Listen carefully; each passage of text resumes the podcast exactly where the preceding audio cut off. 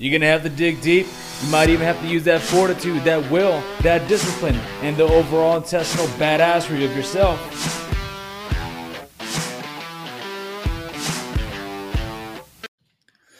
And we're live. All right. So today we're going to be talking about cybersecurity in the Nashville area, and more specifically, the EO focus around cybersecurity and cyber jobs itself. Most recently, what we're seeing is actually an uptick quite a bit from cyber threat actors targeting our nation state of the United States. So, that being said, what do we have to do to be more proactive and preventative measure?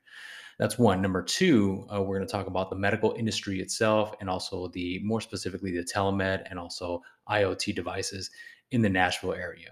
So, as we progress forward into cybersecurity, the Nashville area is becoming more and more of a hub for cybersecurity, cyber itself, and also medical devices. Um, and with these things come together, there is this component, if you will, for cybersecurity demand.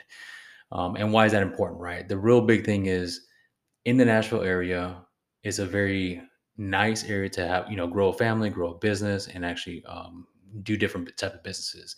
But as these new technology juggernauts come in, such as Facebook, Instagram, Oracle, Oracle Database, and all these other ones, uh, there's a higher need for medical technology to be coming in as well.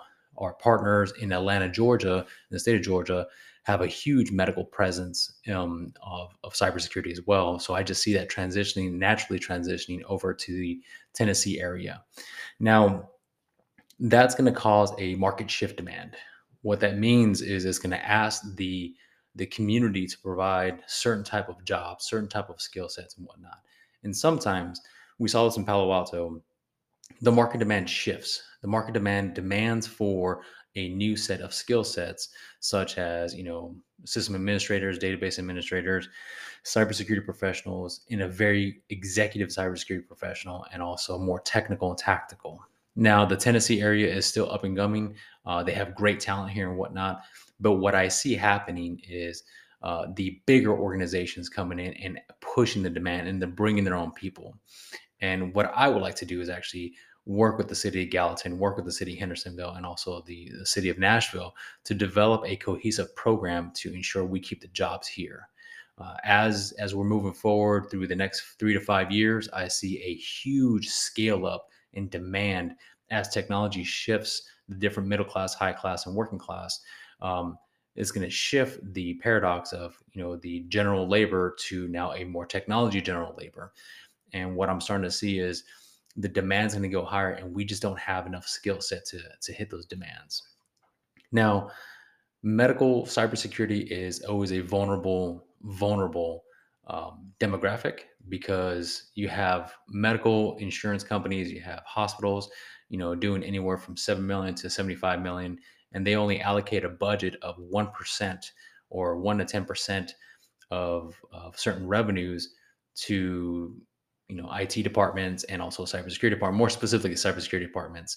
Um, even though legislation has been passed to say, hey, business, medical device business, um, you know, healthcare provider, provider, payer, whoever you are in the medical space, um, you are now by law to ensure you have a cybersecurity program.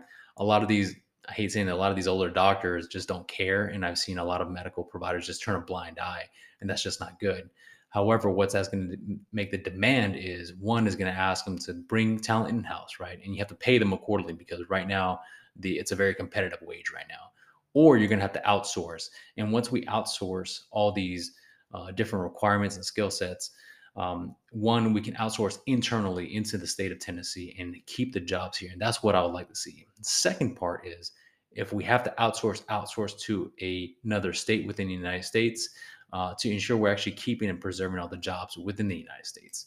That is a pretty good strategy. Um, that's what I think is going to happen here, and what also what I think is going to happen is the the market demand is going to push at the high school level, college level, and also certification level. Not so much as college level. I'll, I'll retract that statement. The college level is just going to be more of a, of a nice to have. Now I see the the demographic and also the workforce going back into certification and hard skill sets. So I see the blue collar worker rising in a different uh, pathway and also a career path as well. So our call to action, right? What do we? What can we do? Number one, we can get ready for this new swing of economic and also employment development, which is you know, start studying cybersecurity, cyber itself, and also conducting different uh, trainings and also uh, networking within the cyber uh, professions. Number two, get the skill sets we need. Right now, everyone needs help in cybersecurity. Some people can't afford it, some people can't afford it, or they just don't want to. And this is a great opportunity not only to have a full time job, but a full time part time job and also consult on the side. Don't let anybody choose your career path for you, and you can actually make your own career path. I promise you that. So, you should be having the ample amount of time, space, money, and resources to get the, the skill set that you need to be gainfully employed. And the last part is we have to be our own first responders within the United States, within our own communities and our own businesses. We have to take it upon ourselves to actually get the skill set we need, the training we need, and to and to help each other out and whatnot. At the end of the day, we are our own first responder. Get some.